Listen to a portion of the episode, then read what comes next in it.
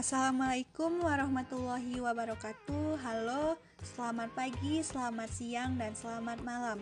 Perkenalkan saya Tia Oktaviani, NIM 19234022, mahasiswa Perpustakaan dan Ilmu Informasi Universitas Negeri Padang.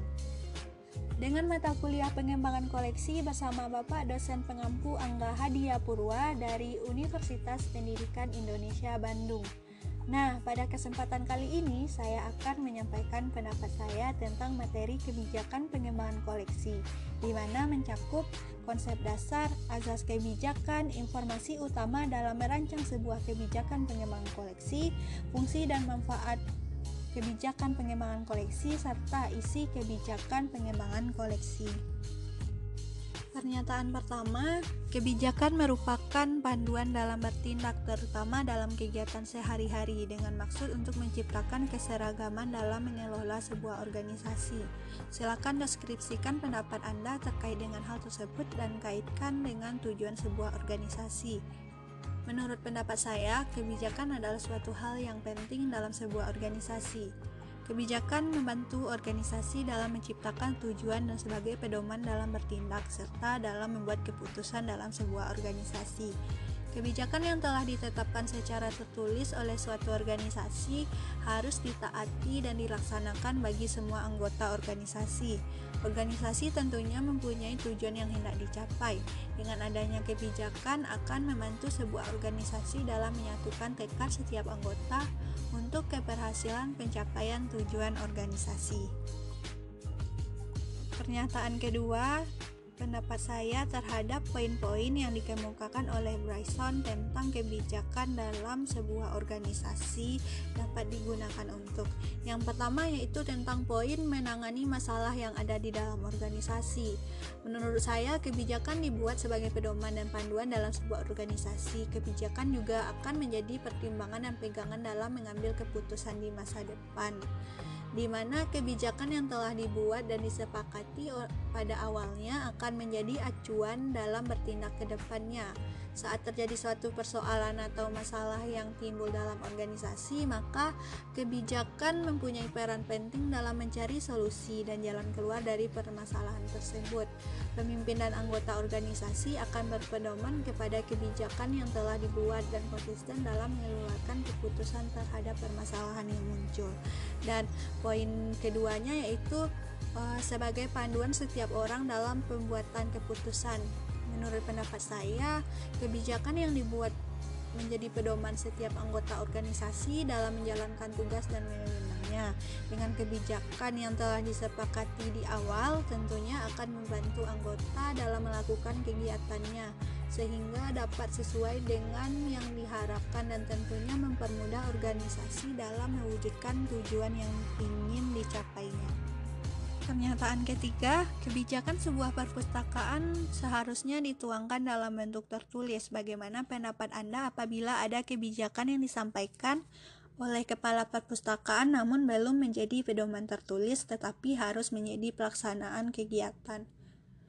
Pendapat saya terhadap kebijakan yang belum tertulis e, namun harus menjadi pelaksanaan dalam kegiatan perpustakaan adalah di mana setiap kebijakan hendaknya harus dijadikan sebagai pedoman tertulis agar ke depannya tidak timbul kekeliruan dalam pelaksanaan kegiatan perpustakaan. Kebijakan yang tidak dijadikan pedoman tertulis dalam pelaksanaannya akan menimbulkan dampak yang kurang baik dalam kegiatan sebuah organisasi. Salah satunya adalah perbedaan persepsi antara sesama anggota organisasi, bahkan antara ketua dan anggota.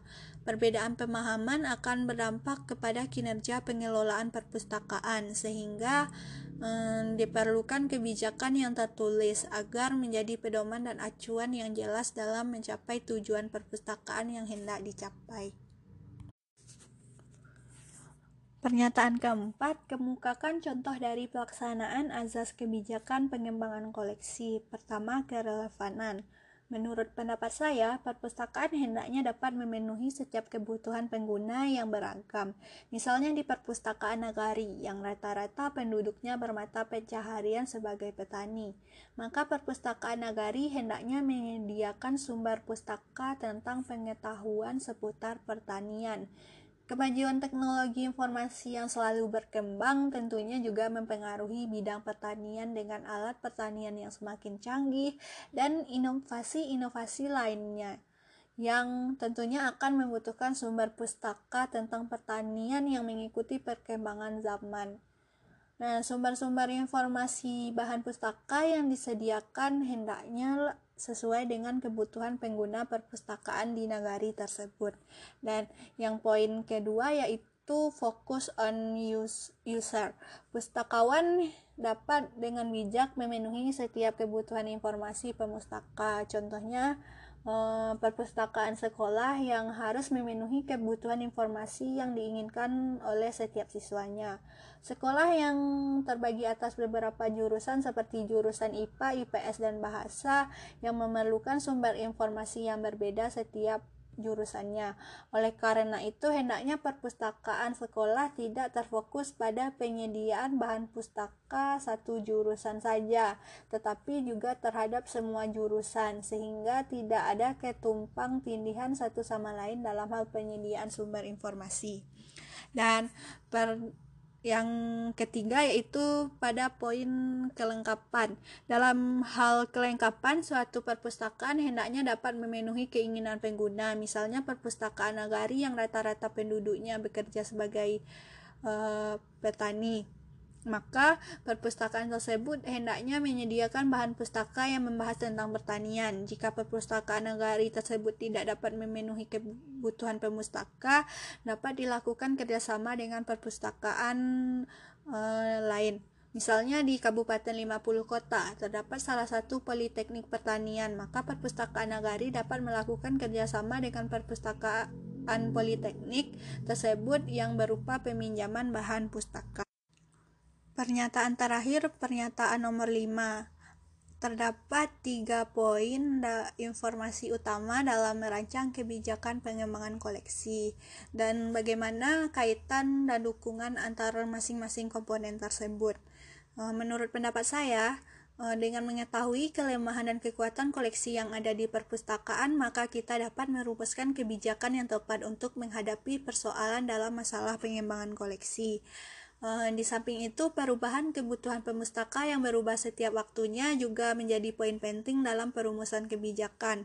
Teknologi informasi yang semakin berkembang dengan pesat menjadikan pemustakaan menjadikan pemustaka ingin lebih efisien dan efektif dalam mengakses sumber informasi yang diinginkannya. Selain itu, informasi yang semakin banyak menjadikan kebutuhan pemustaka yang beragam. Maka dari itu diperlukannya kebijakan yang tepat untuk mengatasi hal tersebut, sumber informasi sekarang yang begitu banyak jenisnya harus diseleksi agar saat pemustaka mengakses kebutuhan informasinya dapat akurat dan sesuai dengan keinginannya. Oleh karena itu, kelemahan dan kekuatan koleksi di perpustakaan serta perubahan kebutuhan pemustaka dan sumber informasi menjadi poin penting yang saling berkaitan dalam merumuskan kebijakan koleksi di suatu perpustakaan. Sekian pendapat saya tentang materi kebijakan pengembangan koleksi. Hmm, sampai jumpa di tugas berikutnya. Assalamualaikum warahmatullahi wabarakatuh.